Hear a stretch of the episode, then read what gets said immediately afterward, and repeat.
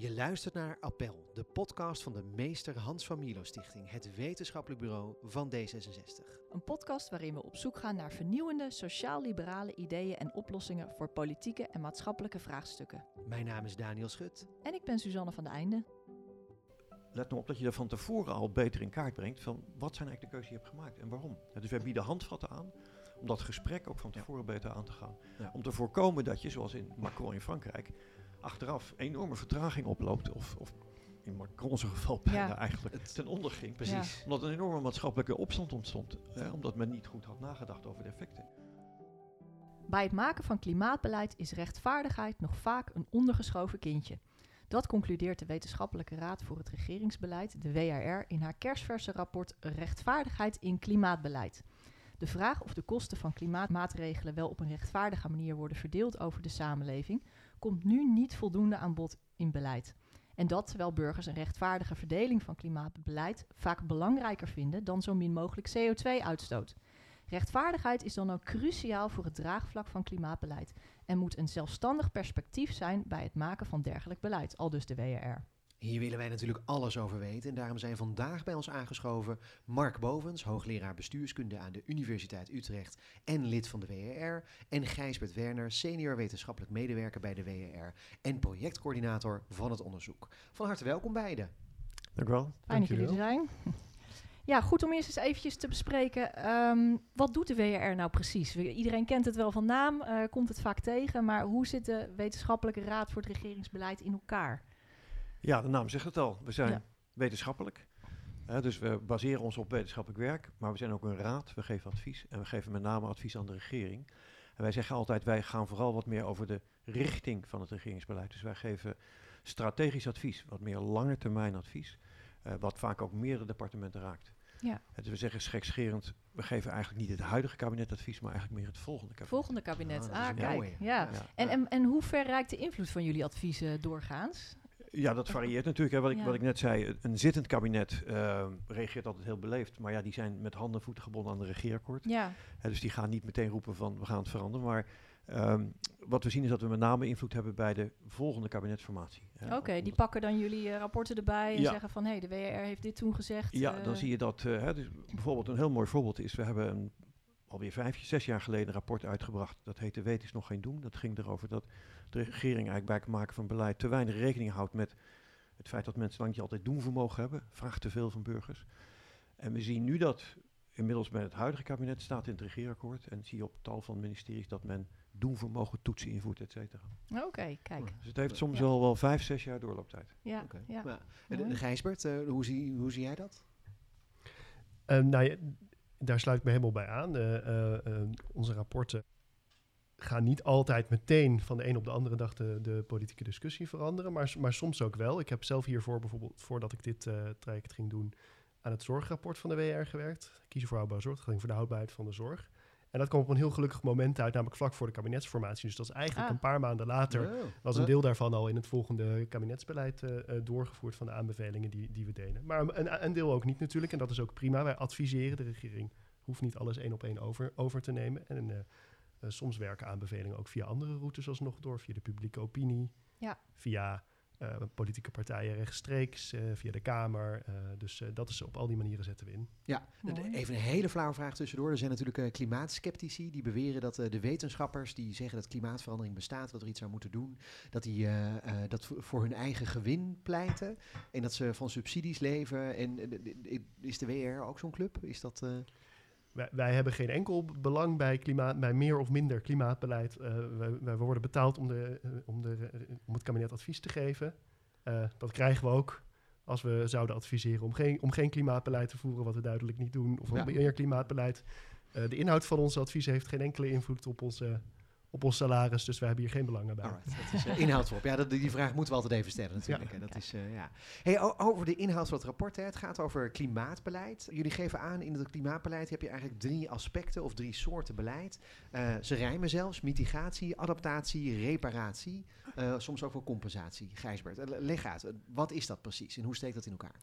Ja, wat wij in dit, in dit rapport doen, is een hele brede opvatten van klimaatbeleid hanteren. Dus mensen in de samenleving denken over het algemeen bij klimaatbeleid het eerst aan, aan mitigatie, wat, wat beleidsmakers mitigatie noemen, is een ingewikkelde term, maar dat betekent eigenlijk gewoon beperking, matiging.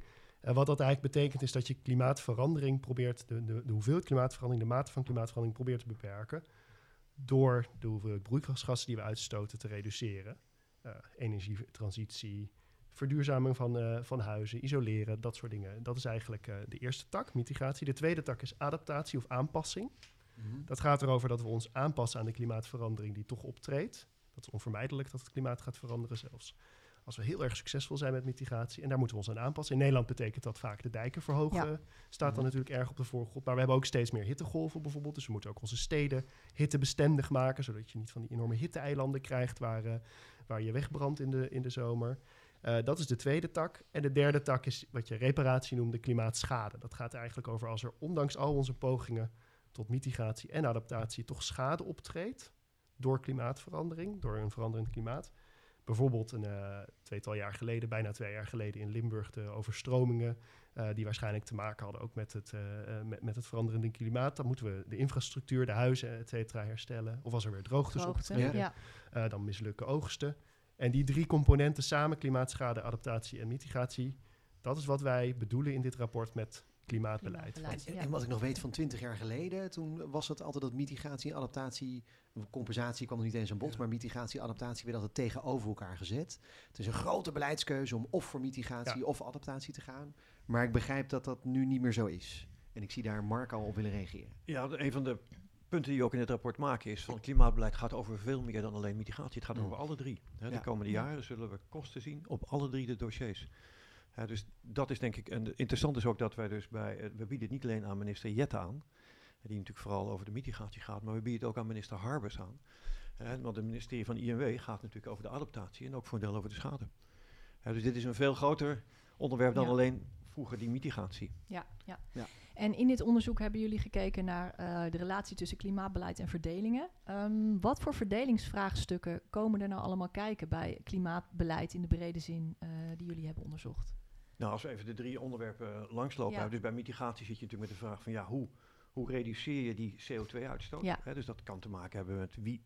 Hè, ga je met quota werken of niet voor CO2-uitstoot? Ja. Of ga je met subsidies werken? En wie krijgt dan wel of niet subsidie voor verduurzaming? Bij adaptatie gaat het bijvoorbeeld om, eh, ja, dan moeten allerlei dijken omhoog. Hè. Ja. We gaan natuurlijk straks met een en hoog, hoge rivieren zitten soms. Ja. En met hogere zeespiegel. Ja. Dus sommige waterschappen zullen veel meer kosten gaan krijgen eh, voor hogere dijken dan andere waterschappen. Op de hoge zandgronden. Maar daar op de hoge zandgronden speelt weer een ander probleem. Hè, met extreme droogte. Hè, dat speelt veel meer eh, in hoog Nederland dan in de, in de deltagebieden. Ja. En wie gaat dan die, hoe ga je die kosten verdelen? Ja. dus dat, soort- dat soort vragen Ja. gaat het over. Maar het gaat niet alleen maar over kosten, volgens mij, toch? Als het gaat om verdeling. Bijvoorbeeld bij windmolens eh, staat volgens mij in het rapport waar komen de windmolens te staan. Klopt, er zijn andere verdelings... De, de focus ligt bij die klimaatkosten. Dus de kosten die met die drie takken waar we het net over hadden Ja. gemoeid gaan. Ehm, maar er zijn andere verdelingsvraagstukken. Dus eh, bijvoorbeeld de energietransitie naar duurzame energie. Veel van die vormen van eh, eh, duurzame energievormen vergen relatief veel grond vergeleken met eh, Ja. eh, wat we nu, wat we, hoe we nu onze energie opwekken. Zonneweiden, windparken en zo, die moeten we over het land verdelen. Dat is ook een, kan je ook zien als een verdelingsvraagstuk. Ja. Eh, of bijvoorbeeld eh, de reductieopgave. Als we, we hebben hele ambitieuze klimaatdoelstellingen tot 2030 en tot 2050. Dan zeggen we, nou, we moeten eh, zoveel procent eh, reduceren. En dat moet je weer op een of andere manier over de samenleving en over de economie verdelen. En dat is ook een verdelingsopgave opgave die samenhangt met het klimaatbeleid. Dat vind ik wel eh, creatief en eh, interessant dat je dat zegt. Want de meeste mensen zullen toch denken, als het gaat over kosten, als het gaat over verdeling, dan gaat het over kosten. Wie betaalt meer, wie betaalt minder en wie draait ervoor op. Maar het gaat dus om meer dan alleen maar eh, het financiële plaatje. Het gaat inderdaad ook om, willen we wel of niet windmolens in de achtertuin? Willen we wel of niet zonnepanelen op ons dak zetten? En in welke volgorde ge- gebeurt dat dan? Ja, dus de ondertitel van het rapport is over de verdeling van klimaatkosten. Dus de Ja. focus ligt wel op, op die kosten. In Ja. veel gevallen kan je het daar natuurlijk in terugvertalen of in doorvertalen. Maar we kijken ook naar verdelingsvraagstukken Ja. in het klimaatbeleid in, in, in Ja. een bredere zin. En jullie hebben naar ehm, verschillende beleidsdossiers gekeken op elk van die terreinen, hè, die drie. eh, mitigatie, adaptatie, reparatie. Eh, misschien kort, goed om ze kort eventjes eh, langs te lopen, welke jullie geanalyseerd hebben. Ja, we hebben vier, vier dossiers bekeken Ja. die spelen. Eén gaat over, waar Gijsbert het net al over had, over de CO2-reductieopgave. Nederland heeft zich eh, bij de klimaatakkoorden van Parijs vastgelegd op het reduceren van de CO2-uitstoot. En dan is de vraag, hoe verdelen we dat in Nederland over de verschillende uh, industrietakken? Ja. dus uh, energieopwekking, landbouw, industrie, gebouwde omgeving, vervoer, dat soort onderwerpen. Tweede gaat over de verduurzaming van huizen, over de energietransitie, over hoe de kosten en met name ook de subsidies verdeeld moeten worden en hoe je dat moet doen. Het derde dossier gaat over adaptatie en met name over waterveiligheid. Dus dan gaat het over ja. de kostenverdeling voor het verhogen van de dijken, zowel de zeedijken, maar bijvoorbeeld ook de rivierdijken. Hè, hoe je die kosten verdeelt. En het laatste dossier gaat over de aanpak van klimaatschade en met name extreem wateroverlast als Ja. gevolg van extreem weer. Ja. Dus dat een voorbeeld daarvan is, is Limburg twee Ja. jaar geleden, waar je enorme regenbuien had, hè, die veel heftiger waren dan we ooit hadden gezien. Ja. Met grote schade tot gevolgen. Dan is de vraag van ja, hoe ga je die kosten te verdelen? verdelen. Ja, ja. ja, en jullie hebben het, het, het hoofddeel van jullie eh, rapport is die, eh, ehm, eh, is die recht, gaat over die rechtvaardige verdeling. Jullie hebben tien beginselen geïdentificeerd om tot die rechtvaardige verdeling te komen. En die zijn dan weer onder te verdelen in vier categorieën. Ik noem ze even grootste nut, individuele rechten en vrijheden, draagkracht en solidariteit en bijdrage en profijt. Nou, daar, eh, goed om daar even eh, uitgebreid op in te gaan. Ehm, en misschien goed om dat te doen aan de hand van een concrete casus, zodat het eh, voor de luisteraar zo duidelijk mogelijk wordt. De subsidie voor de verduurzaming van huishoudens. Dus, en dan moet ik even denken aan geld voor een warmtepomp. Eh, bijvoorbeeld, bijvoorbeeld. ja. Eh, Ja. isolatie, Ja. ehm, eh, Zonnepanelen zonneboilers. misschien. eh, Zonnepanelen vallen strikt genomen niet onder deze subsidie. Maar, ja. Ja. Eh, die eerste categorie, grootste nut. Eh, dan schrijven jullie bij je, zodanig. Dus de verdeling moet, is rechtvaardig eh, wanneer de klimaatdoelen maximaal worden gerealiseerd. Ja. Ehm, leg eens uit aan de hand van die. eh, ja, Die casus, wat- als wat- je zegt wat houdt van, dat nou, ehm, eh, hè, we willen eh, huizen verduurzamen. Eén keuze is dat je hem zegt van nou, we willen zoveel mogelijk, zoals de Engelsen zeggen, zo, zoveel mogelijk backs, eh, bang for our bucks. Dus we kiezen vooral voor die maatregelen die ervoor zorgen dat de doelen zo snel mogelijk worden gehaald. Dus dat Ja. zou betekenen dat je zegt, we zetten de subsidie zetten we in voor de eh, tochtigste huizen. oh ja. Dus de subsidie, dus vooral de huizen waar eh, de meeste winst, klimaatwinst te halen valt, daar gaan we de subsidie aan geven. ja, En dat is iets wat nu niet gebeurt, want nu hanteren we een ander beginsel uit een andere categorie, namelijk de verduurzamer verdient. Eh, op dit moment zijn de meeste subsidies zijn gebaseerd op het idee dat als je wat extra's doet, dan krijg je subsidie. Dus als je je huis isoleert, als je, eh, klimaat, als je een warmtepomp aan, aanschaft, dan krijg je extra eh, subsidie. Ja. Eh, maar dat betekent wel dat dus de mensen die, maar daar moet je investeringen voor doen, dat de mensen die relatief veel vermogen hebben, eerder voor subsidie aankomen dan de mensen die minder geld hebben. ja, want die hebben al het geld om een warmtepomp te kopen. Ja, bijvoorbeeld. je moet fors investeren en dan krijg je daar bovenop een subsidie. Dus Ja. de uitkomst is dan een hele andere. Het zijn dan in feite vaak de huizen die eigenlijk wat minder tochtig zijn, die al energielabel C hebben. ja, zuiniger ja, worden, ja, ja, Ja, die, die kunnen van C naar A. Terwijl Oh ja. bij dat eerste beginsel ga je natuurlijk van G ja, naar E ja, eh, of, of misschien naar D. ja, Nou, je kan het nog op een andere manier doen. Dan krijgen we weer een ander beginsel. Dat je zegt van nou, maar we houden rekening met eh, het inkomen van mensen. Ja. Dus we maken het eh, inkomensafhankelijk. En dan heb je in feite draagkracht. Als eh, de sterkste schouders dragen de zwaarste last. Dus dan zeg je van hè, ehm, bij de verdeling van subsidies houden we rekening met de inkomen of de vermogens van mensen. mhm, Dus dan heb je al een derde beginsel wat uit de categorie draagkracht en solidariteit komt. ja, ja. Dus om even een voorbeeld te geven, er zijn dus drie verschillende eh, beginselen met hele andere uitkomsten. Ja. En wat zou een overweging zijn om voor die, eh, wat zou, wat zou eigenlijk een nadeel zijn van die grootste nut-categorie om daarvoor te kiezen? Want je zou op zich zeggen, nou, hè, toch prima, die, we moeten die doelen zo snel Ja. mogelijk halen. Dus eh, Een, een, een nadeel van het grootste nutbeginsel in, in, in algemene zin is soms dan, dan ga je je middelen heel erg inzetten waar je het meeste effect kan bewerkstelligen. Maar dan kijk je daarmee eigenlijk automatisch niet naar de, naar de effecten die dat heeft op huishoudens Ja. eh, eh, en naar de, naar de koopkrachtplaatjes of dat soort dingen. En dat wordt door Nederlanders lang niet altijd als rechtvaardig eh, gezien. Ja. Eh, dus een, een, een illustratie uit een ander domein Mhm. ehm, is eh, CO2-heffingen, eh, koolstofheffingen zijn vaak heel erg efficiënt als je het economisch gezien bekijkt. hè. Als je in de modellen stopt, dan per euro bespaar je heel veel eh, eh, eh, koolstof, eh, eh, Ja. CO2-uitstoot. Maar als je dat doet, ehm, dan eh, kunnen relatief wel minder welvarende huishoudens, die bijvoorbeeld in een eh, tochtig huis wonen, die moeten, dan, eh, die moeten dan relatief veel gaan betalen, omdat hun Mhm. energierekening omhoog gaat. En dat kunnen ze misschien helemaal niet. Ze kunnen misschien helemaal niet verduurzamen. Of ze wonen in, rijden in een oude, oude, niet zo heel duurzame auto. Ja.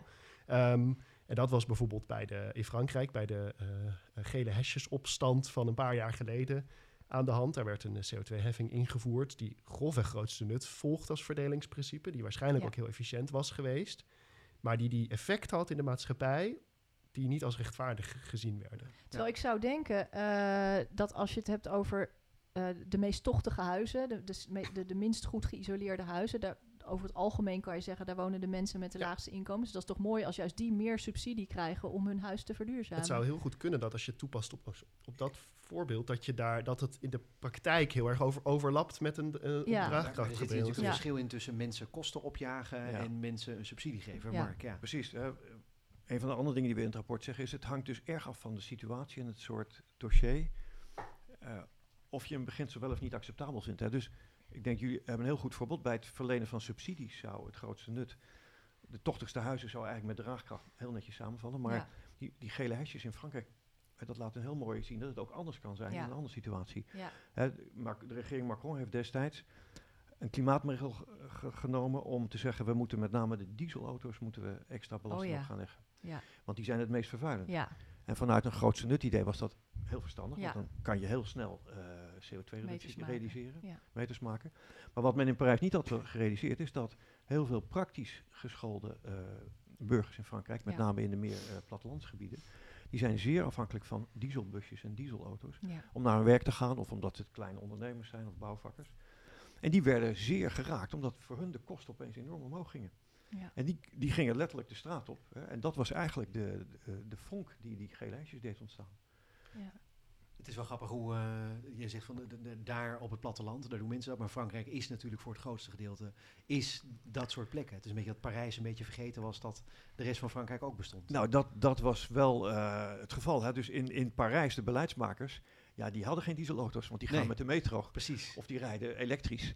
Hè. En, en dat was natuurlijk helemaal niet in hun hoofd opgekomen. Nee, dat er ook nog mensen Dat- zijn dat er de- miljoenen mensen zijn met een in, in de rest van ja. Frankrijk die heel anders erin zitten, in Ja. de wedstrijd zitten. Ja, Hè, en dat was wel, eh, dat is ook een van de redenen waarom wij ook in dit rapport zeggen van nou, het is heel belangrijk dat beleidsmakers bij het maken van beleid van tevoren al nadenken van wie heeft eigenlijk de effecten hiervan. En dat ze ook Ja. proberen bijvoorbeeld via surveys of raadplegingen eens te kijken van ja, wie wordt hierdoor geraakt en Ja. vindt iedereen dit wel rechtvaardig. ja. Gewoon omdat het, het was niet geen onwil in Frankrijk, maar het verscheen gewoon niet op een netvlies.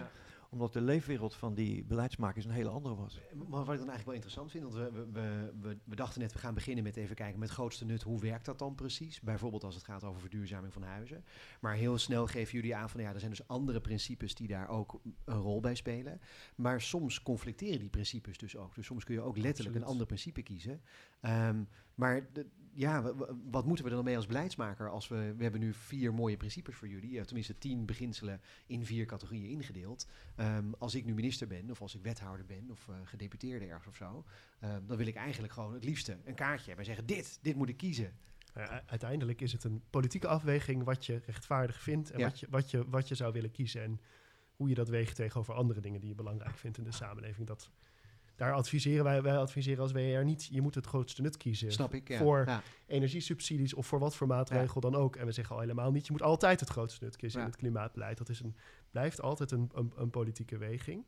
Ehm, maar wat we wel zeggen is, kijk naar dit hele palet aan keuzes waar je uit zou kunnen kiezen. Eh, en overweeg goed wat nou precies de effecten zijn als je eh grootste nut kiest. Of als Ja. je bijvoorbeeld eh, vervuiler betaald kiest. En wat dat, wat dat voor gevolgen heeft voor die verdelingseffecten. En weeg dat vervolgens na, eh, aan de hand van je politieke, politieke ideologie dan of je dat rechtvaardig vindt. Precies, dan begrijp ik die tien, die tien beginselen, begrijp ik dan beter wat, de- wat de functie daarvan is. Maar Mark wil daarop reageren. Nou ja. We hebben wel een kaartje voor ze. Ja. namelijk een ligt overzicht, hier. overzicht van tien beginselen. Ja. In, in vier categorieën verdeeld, tien principes. En wat wij zeggen is, ehm, hè, het is uiteindelijk een politieke keuze wat je wel niet rechtvaardig vindt. Dat, is- het- zo is het een democratie, dus er zal Mhm. ook over onderhandeld worden. Maar let nou op dat je er van tevoren al beter in kaart brengt van wat zijn eigenlijk de keuzes die je hebt gemaakt en waarom. Ja, dus wij bieden handvatten aan om dat gesprek ook van Ja. tevoren beter aan te gaan. Ja. Om te voorkomen dat je, zoals in Macron in Frankrijk, achteraf enorme vertraging oploopt of, of in Macron's geval bijna Ja. eigenlijk Het- ten onder ging. Precies. Omdat een enorme maatschappelijke opstand ontstond. Hè, omdat men niet goed had nagedacht over de effecten. Over de effecten van, ja. Ja, ja. Dus onze centrale stelling is, als je dit van tevoren doet en daar beter voor jezelf eh, dit debat voert en ook transparant maakt, dan levert je dat eh, enorm veel op in draagvlak en daarmee ook dus verderop in het beleidsproces. Zullen we dan die casus over verduurzaming van huis nog even verder uitspitten? Want we hebben dus grootste nut, hebben we grotendeels nu wel gezien. Je kunt de subsidies verstrekken op basis van eh, de meest tochtige huizen eerst. Dat is eh, regel nummer één. Ja. Daar kwam draagkracht, solidariteit kwam ook al een beetje terug. Ehm, hoe kan ik, wat voor andere beginselen kan ik in deze casus lezen? Eh, nou, wat, wat je dus bij die, op dit moment zien we eigenlijk dat dus de verduurzamer verdient, is eigenlijk het, eh, het beginsel wat gehanteerd wordt. Hè. Dus Maar- degene die, als je je best doet een paar stapjes extra moet, krijg, doet, krijg je subsidie. Ehm, met als gevolg dat dat ja, de, de sterkste schouders eigenlijk de meeste subsidies krijgen. Ja. Dus je zou ook kunnen zeggen, laten we een draagkrachtreductie daarop doen. Laten we het zo doen dat we het inkomensafhankelijk maken, waardoor je draagkracht meeneemt als rechtvaardigheidsbeginsel. Ehm, wat je ook zou kunnen doen, is je zegt van nou, draagkracht gaat misschien te ver, maar we leggen er wel een bodem in. Eh, een van de andere beginselen is bijvoorbeeld, je zegt van nou, er moet een, eh, een minimale ondergrens zijn. Eh, we laten mensen niet daaronder zakken, dus we zorgen er in ieder geval voor eh, dat mensen in hun huis kunnen blijven wonen. En Dat dat is er geen, verdeling met behoud van minimale ondergrens? Ja. hè, dus dat je, dat, Oh dat ja, je voorkomt dat mensen eh, onder de grens zakken en bijvoorbeeld helemaal niet meer eh, überhaupt eh, hun huizen warm Ja. krijgen. Ja, en, en als je in het cluster individuele rechten en vrijheden zou kijken, dat is de enige die we hier nog voor dit voorbeeld nog niet gehad hebben, Ja. dan zou je hypothetisch gezien een verdeling per capita kunnen hanteren. Ik denk niet dat dat nu gebeurt in het beleid, maar je kan elke Nederlander een energiesubsidie of een, eh, een, een, een verduurzamingssubsidie van 1000 euro uitkeren. Eh Ja, want capica- ja. per capita zegt eigenlijk, we geven per hoofd iedereen exact evenveel. Oh, is, dat, is dat die... Want Dat dat, is dat- wat- mijn vraag was inderdaad die verdeling op basis van eigen verantwoordelijkheid. Wat, wat dat betekent. Is dat wat jij daarmee bedoelt? Dat zou weer een ander zijn. Nee, dan, dat is dan weer een daarboven. Hij staat daarboven. Ja. Ja. het verdeling per capita. Precies, Oké, dat is één van de drie binnen- Wat is per capita? Per capita is dat je Iedereen krijgt I- evenveel. iedereen evenveel geldt. Elk hoofd, per Ja. eh, krijgt, eh, elke persoon krijgt evenveel. Dus je zou een budget vrij kunnen maken voor eh, eh, verduurzaming van huizen. En dat gewoon hoofdelijk over de Nederlandse bevolking kunnen verdelen. En, en hoe, zou dat, hoe zou dat rechtvaardig zijn? Da- da- dan, dat, dat zou je... Wij zeggen als WR niet of dat dat per se rechtvaardig vinden. Maar dat gaat, te- ga- dat gaat heel erg van de intuïtie van gelijke monniken, gelijke kappen uit. Hè? Van we krijgen allemaal hetzelfde. Iedereen krijgt, elke burger krijgt Of je nou miljonair bent of een bijstandsuitkering hebt. We, dan, we eh, zitten allemaal in hetzelfde schuitje. Eh, ehm, ik, dat, elk van die beginsels hebben voor- en nadelen. Hè? Want als je dat zou doen bijvoorbeeld... en, en nogmaals, dit is, dit is volgens mij geen beleidsprincipe wat nu gehanteerd wordt... maar om ze maar even alle onze vier Ja. categorieën af te werken... dat Mhm. zou je kunnen doen. Ja. Maar als je dat zou doen, dan creëer je bijvoorbeeld geen specifieke prikkel... om meer te verduurzamen. Dan creëer je een prikkel om die Ja. 1000 euro... die Ja. ik ook maar even net bedacht heb uit te Ja. geven... en daarna te stoppen. Terwijl eh, de verduurzamer verdient, creëert die prikkel wel. Je creëert Ja. ook geen prikkel, zoals de grootste nut doet, om, eh, eh, om er bij die huizen te beginnen waar je het meeste, meeste CO2 waar krijgt voor je uitgegeven euro. Ja. Dus elk van die beginselen hebben voor- en nadelen. Ja, eh, in, vanuit het oogpunt van rechtvaardigheid, maar ook vanuit het oogpunt van, van effectiviteit. ja. En, en die verdeling op basis van eigen verantwoordelijkheid dan, die vond ik ook nog wel eh, intrigerend. Nou, Eh, hoe zou dat dan in de praktijk werken? nou, daarvan zeg je in feite van, eh, ja, iedere huiseigenaar moet zelf zorgen dat het huis duurzaam wordt. Ja. Hè, dus daar, dan zeg je van, dat is geen overheidstaak. Mhm. Ja, als je een huis koopt of je, of je bent huurder, dan moet de verhuurder het doen. Hè, iedereen is zelf verantwoordelijk voor het verduurzamen van het huis. En dat is een beginsel wat ehm, bijvoorbeeld heel erg speelt met die eh, waterschade. Hè, daar zie je dus natuurlijk van, ja, als je je huis bijvoorbeeld buit, eh, bouwt in het buitendeksgebied, Ja. ja, dan op een gegeven moment zeg je van, ja, oké, dan moet je zelf de verantwoordelijkheid maar dragen als je overstroomd raakt. Ja. Hè, of ehm, bij een aantal vormen van eh, waterschade bijvoorbeeld, ehm, kun je natuurlijk jezelf ook verzekeren. Hè, dus bij een aantal dingen zeggen we, nou ga eerst maar eens verzekeren, eigen verantwoordelijkheid. Ja. En pas als dat niet lukt, dan misschien moeten we subsidies gaan geven of compensatie gaan bieden. Ja. Maar, maar dat is natuurlijk ingewikkeld als we het weer op die casus loslaten van verduurzaming van Ja. je eigen huis. Ehm, want eh, nou ja, we- we- toevallig ben ik dan huiseigenaar. Eh, ons, we zijn druk bezig met verduurzamen van ons huis. Maar ja, als ik die verantwoordelijkheid niet neem, wat, wat gebeurt er dan? Nee, hè, dus zoals Gijsbert net zei, hè, de, elk van die beginselen heeft nadelen. Dus bij eigen verantwoordelijkheid is de, hè, dus de kans groot dat een hoop mensen zeggen, nou dan maar niet. Hè, dus dat Ja, betekent precies. dat je minder prikkels hebt eh, om mensen te verleiden Ja. om het te doen. En het kan ook betekenen dat dus de lage inkomensgroepen eh, in feite onder een minimum zakken, Ja. omdat ze gewoon die eigen verantwoordelijkheid niet kunnen waarmaken. Ja. Ja. Is- dat dan, ja, je je zegt van en alle, alle categorieën zitten voor- en nadelen, maar als ik, toen ik dit las, dacht ik van nou, aan, ik vind het moeilijk om die individuele rechten en vrijheden categorie nou als rechtvaardig eh, te zien. Nou ja, Vanwege die zaken die jij nu al noemt, inderdaad. bij verduurzaming van het huis is het misschien ingewikkelder. ja, Maar bij bijvoorbeeld overstromingsschade ja. wordt het toch... Hè, dus ja, als je bewust gaat wonen. als je bewust gaat wonen ja. in een gebied Ja. waarvan de waterschap zegt... sorry, dit heeft een hoog overstromingsrisico. Ja, Waarom zou dan eh, de belastingbetaler Ja. mee moeten betalen aan jouw schade? ja, Ja, dus het, Ja. daarom het hangt van het soort dossier, van Ja. het soort dingen sommige van die categorieën van beginselen en sommige van die specifieke beginselen, die passen beter op sommige klimaatregelen Ja, dan op andere. Bijvoorbeeld het, het profijtbeginsel, waar we het nog helemaal niet over gehad hebben. Eh, wou net aan toekomen, maar ja, ga je gang. Ja. heel, heel mooi. Ja. Dat zegt eigenlijk, de lasten van een klimaatmaatregel moeten door gedragen worden door de mensen, de personen, de bedrijven eventueel, die daar baat bij hebben, die er profijt van hebben. Ja. Dat zie je vaak, of dat kan je gebruiken heel erg in adaptatievraagstukken, waar je vaak een, eh, we gaan deze dijk verhogen, daar wonen mensen achter, die zijn profijthebbend van, van die dijk. De mensen die ergens anders wonen hebben dat niet. We zeggen niet dat per se dat je dat altijd dan 100% met profijtbeginsel moet, zou moeten financieren. Maar daar kan, dat, eh, daar kan dat in beginsel wel. Terwijl bij mitigatiemaatregelen, daar gaan, zijn we CO2 aan het reduceren, of daar is de doelstelling CO2 reduceren. Daar Ja. hebben we allemaal baat bij. De hele wereld heeft evenveel baat bij elke minder uitgestoten gram CO2. Dus dat is veel moeilijker om te plakken op specifieke Ja. eh, eh, eh, mensen die baat hebben bij zo'n Ja. bij zo'n Nou maatregel. vind ik dat wel interessant, want net in de krant lazen we weer dat eh, Shell een gigantische mega winst heeft gedraaid afgelopen jaar. Mede met dank aan eh, de oorlog in Oekraïne. Ehm 40 miljard was dat geloof ik zo'n beetje bij elkaar. Ehm, en tegelijkertijd zeg je dat iedereen er evenveel belang bij heeft om die CO2-reductie te bewerkstelligen. Maar een bedrijf van Shell, eh, ja, die heeft er juist heel veel voordeel bij als we met z'n allen meer CO2 gaan uitstoten. En dat zien we nu dus ook, 40 miljard per jaar. Ja, en als we dat niet rechtvaardig vinden, dan kunnen we bijvoorbeeld door de vervuiler betaald meer toe te passen dan we nu doen. Dan kan je daar, eh, eh, kan je daar een, een, een rem op zetten. Ja. Dat, dat zou een politieke afweging kunnen zijn. En dat doen we natuurlijk tot op zekere hoogte ook wel via accijns. eh, Ja. en, eh, maar dat, dat kan je meer doen. ja. En we hadden het net al even over hè, dat er geen, dat schrijven jullie ook, er is geen gouden standaard voor welk verdelingsprincipe je kiest. Maar hoe kies je nou inderdaad als politicus, hoe kies je nou zo'n grond? Ehm, hoe, hoe, hoe ga je daarin te werk? Jullie schrijven ook van, hè, jullie pleiten voor een eerlijke procedure om tot die principes te komen. Hoe ziet zo'n eerlijk traject eruit? Nou, wat, het, het zal van je politieke partij en je achtergrond natuurlijk afhangen. Precies. Eh, sommige partijen zullen meer bepaalde beginselen eh, belangrijker vinden dan anderen. Hè. Dus dat blijft een, dat hoort ook zo. Dat is de politiek. Maar wat wij zeggen is, als je klimaatbeleid maakt in de drie eh, grote gebieden die we onderscheiden, zeggen we, ga nou als beleidsmaker van tevoren, eh, maak als het ware een klimaatparagraaf bij wat je doet, een eh, rechtvaardigheidsparagraaf bij wat Ja. je doet. En laat, leg eens op tafel een aantal van die beginselen. Want wat we nu zien is dat dat vaak impliciet gebeurt. En pas achteraf, als er ophef ontstaat, dan opeens ontdekken beleidsmakers, oh, het had eigenlijk best anders gekund. Of, oh, hè, zoals in, bij de gele hesjes in Frankrijk, oh, we hadden ons helemaal niet gerealiseerd wat de effecten waren. Ja. Dus wij zeggen, probeer van tevoren eerder en breder in kaart te brengen wat de relevante rechtvaardigheidsbeginselen zijn. En ze zijn lang niet alle tien hoor. Eh, Per, per dossier zullen er er misschien drie of vier zijn. Ja. Leg dat op tafel.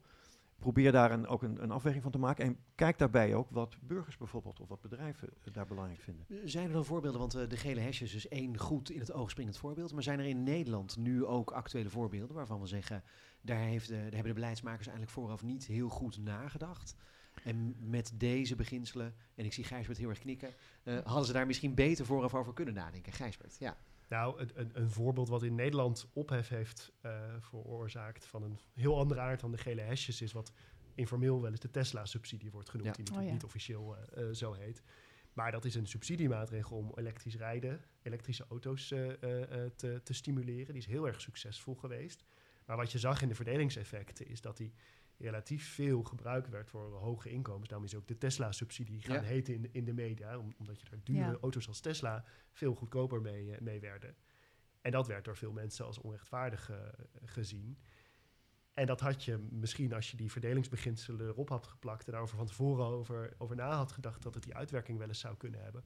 Had je daar misschien een matiging op kunnen aanbrengen of de regeling anders kunnen inrichten eh, eh, om, om, dat, om dat te voorkomen. Ja. Of, Ja. of anders uitleggen eventueel ook, maar... Of anders uitleggen, want je Ja. kan het in, eh, eh, het heeft ook een communicatieve functie. En eh, die Tesla-subsidie had bijvoorbeeld, ik noem nu de Tesla-subsidie, maar goed, die, had, die, had ook, die, die Tesla-subsidie heeft ook als, als doelstelling om die hele markt aan te jagen. Hè? Mhm. Eh, je ziet vaak als er nieuwe technologieën Ja. ontwikkeld worden, dat dat eerst door, voor een relatief kleine groep, relatief welvarende mensen eh, eh, Ja. beschikbaar zijn. Ja. En die dan later goedkoper worden. En eh, de, een Ja. van de doelstellingen van was om die markt aan te jagen, zodat er meer van die auto's op de markt komen. En er ook een tweedehands automarkt ont- ontstaat voor elektrische auto's. En dat begint nu langzaam een beetje te komen. Dus de, de- die maatregel is op bepaalde fronten best succesvol eh, eh, geweest. Maar dat had je dan bijvoorbeeld kunnen uitleggen dat dat de overweging was. En dat het daarom rechtvaardig is Ja. dat op de korte termijn relatief hoge inkomens.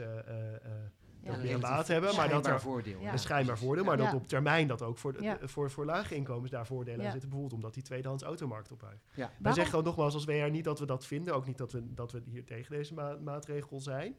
Uh, maar die principes kan je dus ook communicatief gebruiken om Ja. het beleid uit te leggen. Van, Ja. We hebben hiervoor gekozen, we hebben door dit beginsel gekozen, dat heeft deze effecten en die vinden we om deze en deze re- redenen Ja. rechtvaardig. Waarom wordt dat nog niet gedaan? Nog te weinig. Ehm, nou, omdat op, tot nu toe eigenlijk het debat ging eigenlijk vooral over de vraag van is er wel klimaatverandering? Hè? En, en, en wat kunnen we eraan doen? Ja. En je ziet dat eigenlijk, ja, we nu een derde fase, eigenlijk in een nieuwe fase zijn. Hè? En, en nu wordt ook veel zichtbaarder wat de kosten zijn en, en wat Ja. de enorme lasten zijn. En die gaan nog flink toenemen de komende jaren. Hè, dus dat is eigenlijk, heeft ook te maken met de ontwikkeling eigenlijk Ja. van het hele klimaatbeleid. Hè? Dus Ja. we zijn echt nu in een nieuwe fase beland. En wij vinden dat... eh, Ik, ik moet wel zeggen dat ik het een verademing vind dat we dat nu niet meer hoeven te bespreken met elkaar. Ehm, ik begin toch te denken, misschien moet ik het toch nog vragen. Maar klopt het wel, klimaatverandering? Is dat echt wel, ja? ja, we zien... ja, alle- sorry hoor. Ja. Ja, kijk, nou ja, kijk wij, hè, waarom hebben, wij kijken niet alleen naar mitigatie, maar ook naar adaptatie en schade. Omdat ja, helaas de laatste rapporten zijn dat die anderhalve graad niet eens gehaald gaat worden. Dus Ja. Nederland zal ook de komende jaren heel veel adaptatie moeten doen. En we zullen ook veel te maken gaan krijgen met klimaatschade, omdat Ja. het zal ja, misschien wel anderhalf, twee graden gaan worden. Dus dat betekent dat de komende decennia we heel veel zullen gaan merken van klimaatverandering. Ja. Ja. Ja. Ja. Daarom is het ook zo belangrijk om dat klimaatbeleid breed op te vatten. Want Ja. in politiek Den Haag denken mensen wel, wel vaker aan adaptatie, maar eh, in de samenleving in het algemeen denken we toch alleen aan die, aan die zonnepanelen. Precies. die En Ja. windmolens. subsidies. eh, En die windtunnels. dergelijke. En dat is Ja. ook een belangrijke component van klimaatbeleid. Maar we moeten echt in onze Ja. hoofden krijgen, ook in Den Haag, maar ook in de samenleving, dat dat, Ja. dat, dat zich steeds meer gaat uitbreiden. Dat wat we Ja. klimaatbeleid noemen, ook die andere componenten, inclusief die klimaatschade, Ja. dat begint nu te komen. En dat Ja. gaat een steeds grotere Ja. eh, component Ja. worden. En jullie hebben ook gekeken naar de voorkeuren van burgers voor verdelingsbeginselen. Ik ben heel benieuwd, Ja. wat kwam daaruit? Nou, er kwamen een paar interessante dingen uit. In de eerste plaats kwam eruit dat burgers ehm, rechtvaardigheid heel belangrijk vinden. Ja. Hè, de, ook voor draagvlak. Hè, ze vinden rechtvaardigheid zelfs belangrijker dan CO2-reductie. Dus het laat zien dat voor burgers dat dat op een rechtvaardige manier gebeurt, dat dat een heel belangrijk punt is. Dat is het eerste. Dat is op zich ook wel logisch, denk ik. Toch? Ja, Ergens. ja, nou ja, maar goed, de, laten we zeggen, de Ja. mensen die met klimaatbeleid bezig zijn, zijn vaak helemaal gefocust op natuurlijk Op eh, CO2. CO2-reductie. Ja, ja, En vergeten daarom misschien dat, dat gewone burgers ook iets hebben. Ja, maar wordt dat wel op een eerlijke manier gedaan? Ja. Ja, dus alleen dat punt is denk ik voor, voor beleidsmakers toch wel heel belangrijk eh, eye-opener, om even tussendoor te krijgen. Het tweede wat we zien is dat we over het... Hè, eh, burgers maken natuurlijk ook onderscheid naar verschillende soorten dossiers. We hebben ook vragen voorgelegd van hoe vind je dat nou bij, eh, bij dijkverhogingen of hoe vind je het bij, eh, eh, bij verduurzaming van huizen. Maar over het algemeen zien we dat burgers met name eh, draagkracht en de vervuiler betaalt. eh, hele, en, en het grootste nut, dat zijn eigenlijk de drie beginselen die het, het meest naar voren komen. Ja. Het grootste nut, je wil natuurlijk effect hebben. Ja. Ehm, maar ook nadrukkelijk draagkracht daarbij. Hè, Ja. dat vinden burgers toch heel belangrijk, dat er rekening worden ge- wordt gehouden met de draagkracht. Ja, en de vervuiler betaalt, dus de zware industrie eh, moet aan de bak. Ook dat is voor, voor burgers een heel belangrijke overweging. Ja. En dat is ook wel logisch. Dat, is, dat sluit heel goed bij intuïties Zeker. die we allemaal hebben aan van als je zelf iets veroorzaakt, dan Ja, moet je zelf de gevolgen daarvan Dragen, dragen en, ja. en, en, eh, en opruimen. ja. En hebben jullie ook gekeken naar de voorkeuren van bedrijven? Nee, we hebben, geen, eh, we hebben dus een grootschalig onderzoek onder burgers gedaan. Ja, Eh, we hebben geen enquête onder bedrijven gehouden. Ehm, want, want ik, ik kan, je kan wel uittekenen dat er natuurlijk een enorme lobby op gang zal komen om bepaalde verdelende beginselen die eh, wat minder gunstig uitpakken voor bijvoorbeeld de fossiele industrie, eh, dat, Ja. om die voorrang te geven. Bij, bij, bij vervuilende eh, sectoren van de economie kan, kan je je voorstellen, maar dat hebben we niet expliciet onderzoekt, dat het verdelingsbeginsel op basis van bestaande rechten Ja, populair is. Want dat zegt in ja, essentie oh, die- ja. investeringen die we in het verleden gedaan hebben, Ja. rechten die zijn opgebouwd, verwachtingen die zijn geschapen door de maatschappij, door de wetgever, door de overheid. Daar gaat een bepaalde kracht van uit. En dat betekent dat we dat, we die, dat je dat niet zomaar kan, terzijde kan schuiven, omdat je zegt, we vinden nu het klimaatbeleid belangrijk. Dan zeg je in essentie, als een bedrijf hier een, een fabriek heeft neergezet, die over 50 jaar wordt afgeschreven, dan kunnen we niet na 20 jaar zeggen, nee, sorry, we hebben een, een nieuw klimaatbeleid. En, eh, eh, en dat, dat, dat, die rechtvaardigheidsgrond, die zie je in het Maar met politiek en maatschappelijk debat ook wel terugkomen. Hè? Eh, Dat, dat voeren bedrijven aan. Die zullen misschien niet snel dit verdelingsprincipe er expliciet oppassen, pakken, maar dat is feitelijk wat er dan gezegd wordt. Hoe Ja. sterk is dat argument van verworven rechten? Ja, dat, dat is een politieke weging. Hoe belangrijk Kunnen jullie dat? weer niks over zeggen natuurlijk. Nou ja, dus, ja. Ja, maar het is een politieke afweging, maar op zichzelf is er natuurlijk best iets voor te zeggen hè, dat, dat bedrijven die heel veel investeringen hebben gedaan in een bepaalde technologie, die op dat moment eh, geaccepteerd was, ook door de regering. En als die dan na tien jaar opeens te horen krijgt dat die investeringen moeten worden afgeschreven, terwijl je daar heel veel kosten hebt gemaakt, is het natuurlijk helemaal niet zo gek dat je zegt dat vind ik niet zo rechtvaardig. Ja. Hè, eh, Nee. Mensen mogen, hè, het- in het recht is, hè, bestaande verdragen moeten gehonoreerd worden. Hè, dus je, je hebt de rechtszekerheid. Ja. En, Dat is ook een rechtvaardigheidsbeginsel. En, en dat ja. zou ook, hoe- daar, het is ook niet zo dat alleen bedrijven zich op dat beginsel zouden kunnen beroepen. Dat kunnen huishoudens eventueel ook doen als we eh, beleid zouden uitrollen waardoor allerlei vervuilende auto's eh, eh, veel sneller van de, van, de, van de weg gehaald worden. Terwijl je kan je zeggen, ja, ik heb deze auto eh, geïnvesteerd. eh, Ja. Ik moet nu opeens worden op kosten gejaagd om nu een, een, een, een uur elektrische auto. Ja. We zeggen niet dat dat nu, nu, nu gebeurt hoor, maar het is niet zo dat dat beginsel alleen maar iets is van de bedrijven. Eh, dat huishoudens zouden zich daar in voorkomende gevallen ook op kunnen beroepen. Ja, maar goed, huishoudens hebben dus een, een duidelijke voorkeur wel uitgesproken. Of in ieder geval burgers voor bepaalde rechtvaardigheidsgronden. Nou, dan zit je als overheid en dan moet je kiezen. En je, moet, je wil iedereen te vriend houden. Je wil recht doen aan ieders belangen. Uiteindelijk hak je een knoop door en dan stel je partijen teleur. Die zeggen van ja, leuk, maar ik vind dat dus niet rechtvaardig dat jij daarvoor hebt gekozen. Ehm, hoe, Ja, dat is wat politiek. Ja, Dat is democratische politiek. ja, Hè, de, ja, in de democratie is natuurlijk altijd verdeling van schaarste. ja, dus eh, dat is de tragiek van de democratie. Je stelt altijd, hè, de tragiek Ja. voor politici, je, s- je zult altijd mensen teleur moeten stellen. ja, En je zult altijd com compromis moeten sluiten. Ja, Dus dat gaan we niet voorkomen. Het enige wat wij zeggen is, als je dat van tevoren beter op tafel legt, transparanter maakt, dan is de kans dat mensen het accepteren veel groter. Dus uitleggen, ik heb dit gekozen en wij vinden dit rechtvaardig omdat... Ja, Ja. Hè, en ook de burgers erbij betrekken. Er is allerlei onderzoek dat laat zien dat als mensen het gevoel hebben dat een beslissing rechtvaardig wordt, dat ook de procedure rechtvaardig is, dat alle belangen zijn gewogen, dat mensen erbij zijn betrokken, dan zie je dat mensen ook negatieve uitkomsten eerder bereid zijn om te accepteren. Ja, Er is behoorlijk veel onderzoek naar gedaan, Ja. ook op dit terrein. ja. Dus het is een beetje met de Belastingdienst. Hè. Leuk, Leuker kunnen we het niet maken. kunnen we niet maken, maar rechtvaardiger wel. Ja, ja. Misschien een betere Mooie slogan dan- Ja. ja, precies. Ja, heel goed. Ja. Ik zou hem ook aan de Belastingdienst verkopen, deze. Ja. Ja. En, en je noemde inderdaad net al, eh, hè, de, de, de, voorke- de verschillende rechtvaardigheidsgronden zijn ook best wel te relateren naar verschillende politieke partijen. Ehm, eh, welk, welke, welk principe of welke principes zouden nou logischerwijs het meest aansluiten bij een sociaal-liberale partij als eh, D66?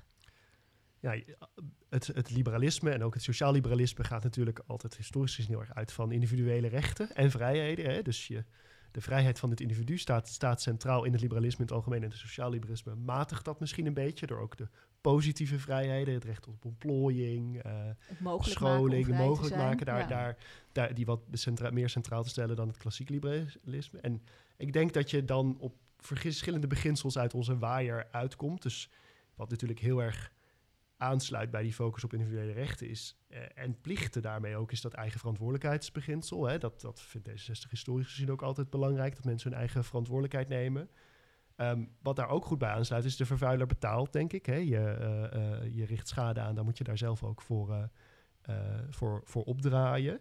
Vergeleken met klassiek liberale partijen, denk ik dat D66 om die positieve vrijheden ook te kunnen borgen, mensen moeten aan het maatschappelijk verkeer kunnen blijven deelnemen, eh, daar ook de- die dat wel zou willen matigen met, met meer op draagkracht gebaseerde principes. Ja. Eh, terwijl als je een klassiek li- liberaal bent, je dat misschien wat minder belangrijk zou vinden. Ja. Ik denk dat je uiteindelijk toch uit, uit verschillende van deze componenten uitkomt. Het zal niet. Het, eh, het, het, het is niet per se logisch voor D66 en denk ik voor geen enkele politieke partij om te zeggen, nou, wij gaan gewoon even, we, we, we kiezen de vervuiler betaald of eigen verantwoordelijkheid en Ja. dat gooien wij op al het zo. klimaatbeleid. Ja. Ja. Dan zijn, we, dan zijn we klaar en het CDA mag, eh, mag, mag een ander principe Ja. kiezen en die overal op, op plakken. Ja. Ik denk dat, dat, dat, het- dat het zo niet, niet gaat werken, maar ik zou het in die, eh, in, da- in dat spanningsveld tussen, Nou, eh, tussen die positieve en die negatieve vrijheden, daar moeten sociale liberale Ja. partijen zich natuurlijk altijd eh, opereren. We, we hebben het uitgebreid gehad nu over die, die tien principes in vier categorieën, maar er is nog meer in het rapport. Het gaat onder andere over procedureel verankeren, daar hebben we het volgens mij al een beetje over gehad. Maar ik zie ook staan institutioneel borgen. De, wat Als is dat? Wat betekent dat? Als doen, aanbeveling uit het ja. rapport. Wat betekent dat? Nou, eh, de vraag die wij natuurlijk altijd krijgen is van ja, dat is leuk zo'n rapport. Maar eh, gaat dat straks niet in de la? Hè? Ja, dat- precies. hè, dat is natuurlijk van hoe, hoe voorkom je dat, het, eh, dat mensen hun hoed ervoor afnemen en op, op zondag en op maandag gewoon weer verder gaan met hun dagelijks werk. Dus wij zeggen, je moet, hè, het is heel goed dat beleidsmakers hier naar kijken van tevoren, dat ze dit opnemen in hun beleidsproces. Maar we moeten, ze moeten ook een beetje aan de mast worden gebonden. En daarom zeggen wij, het zou goed zijn als bijvoorbeeld de Raad van State, die heeft al een taak als het gaat om het toetsen van klimaatplannen. Als die ook ehm, de opdracht krijgt, of de taak krijgt, om ook eh, toe te zien dat die rechtvaardigheidsvraag ook van tevoren wordt gesteld. Dus wij zeggen, als je dat namelijk doet, als je bij elke nieuwe klimaatregel, die gaat altijd langs de Raad van State, die adviseert daarover. Eh, en dat gaat ook naar de Tweede Kamer. En als de Raad van State tot taak krijgt om ook expliciet te kijken naar die rechtvaardigheidsvraag. En dan heb je een prikkel, dan hebben politici, bestuurders en ook eh, beleidsmakers, ambtenaren hebben een prikkel om dat ook te doen. En dan verdwijnt het niet meteen van tafel. Ja, Ja. Dat is één concrete manier om het institutioneel te borgen. Gijsbert, zie jij er nog eentje? Ehm, nou, bij die institutionele borging, die, dat zoeken wij vooral in die, in die toetsing achteraf. Hè, in de Mhm. zeggen van, en daarbij ook een stok achter de deur te creëren voor het beleidsproces. En die procedurele verankering, die gaat, eigenlijk, die gaat eigenlijk daar een stapje aan vooraf. En zeggen wij van, goh, wat Mark ook al eerder eh, eh, in ons gesprek benoemde, van zorg er bijvoorbeeld voor dat ehm, eh, bij elke nieuwe klimaatmaatregel die voorgesteld wordt op het ministerie van EZK een rechtvaardigheidsparagraaf geschreven wordt. Dus ik denk dat die twee aanbevelingen heel nauw met elkaar samenwerken. Mhm. Dus die, die toetsing achteraf, die borging, die, die zorgt ervoor dat dat ook echt gebeurt. We snappen hoe hectisch de dagelijkse beleidsrealiteit is. Er is altijd een crisis die vandaag Ja. opkomt en morgen opgelost moet zijn. ja. Ehm, eh, dus dat, dat, da- daar zorgt die borging eh, voor.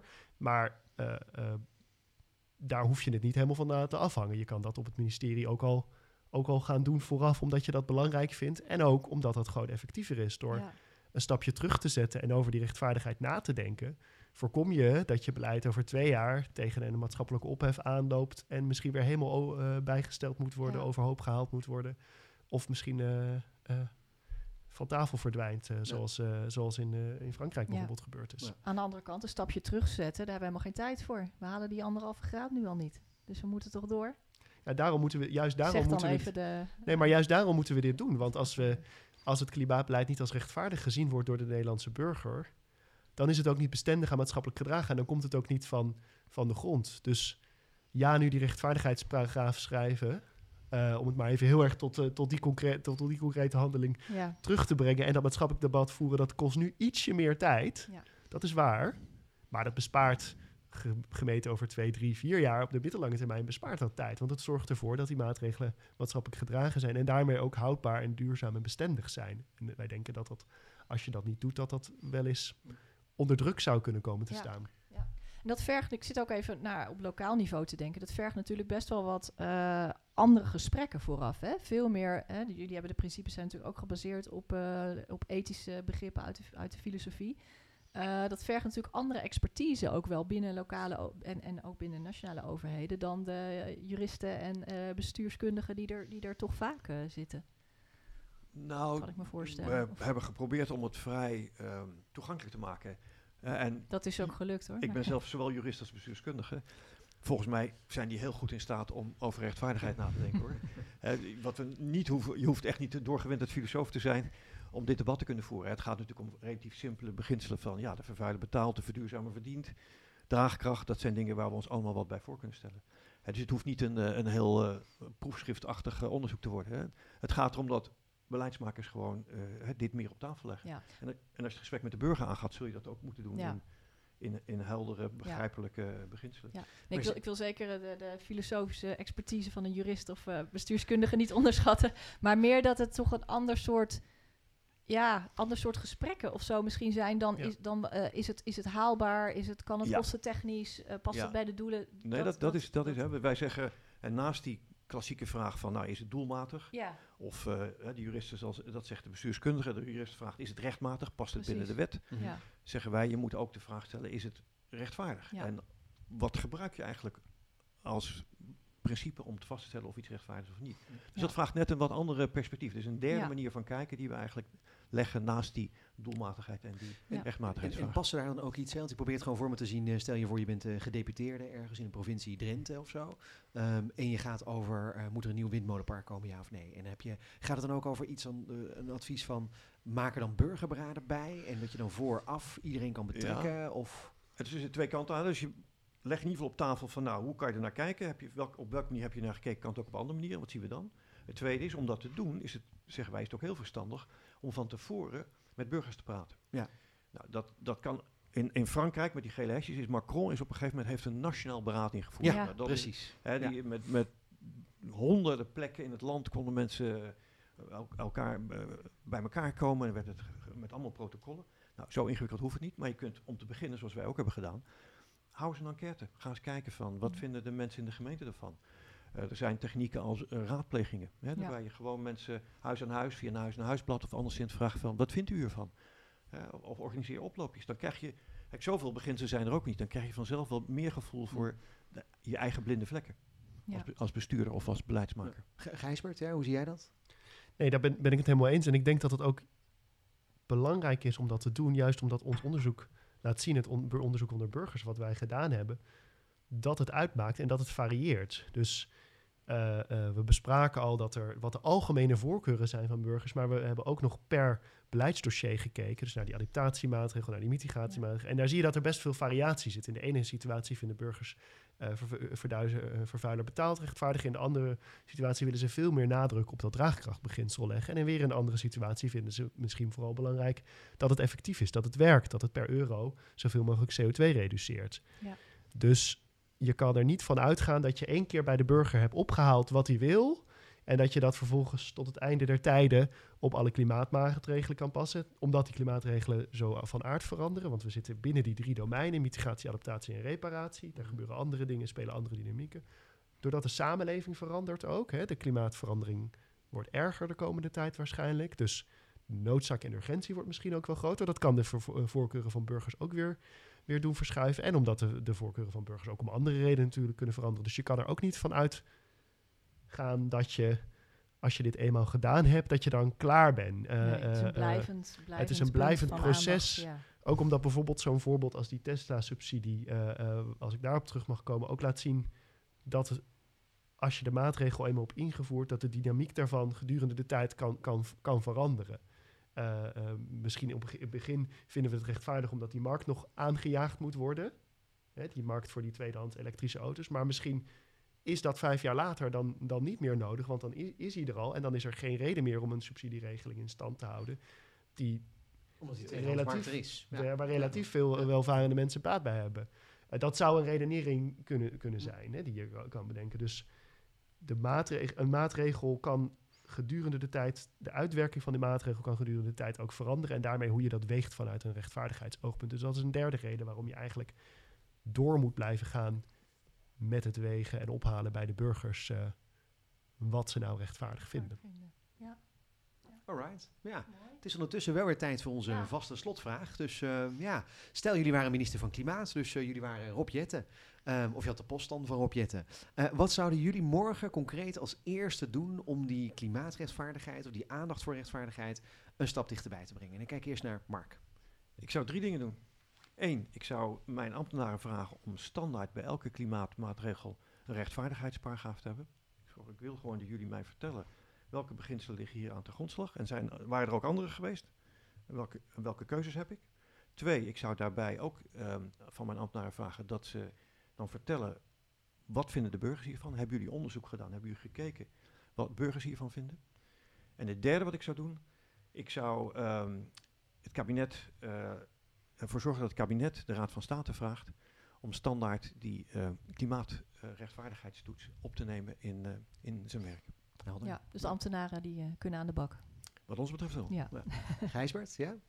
Ja, dat, dat, dat, dat is precies wat ik ook zou doen. En als ik de vraag iets breder kan vertalen naar ook andere overheden, daar, daar gelden vergelijkbare uh, dynamieken. Hè. Het is niet alleen een op, opdracht of een oproep, oproep, moet ik zeggen, aan de nationale overheid, maar ook aan provincies, waterschappen. De adaptatievraag in Nederland ligt in belangrijke mate bij de waterschappen. En de bestuurslaag die natuurlijk met de waterschapsverkiezingen van over een paar maanden heel erg in de aandacht uh, zal staan. Uh, provincies, gemeentes.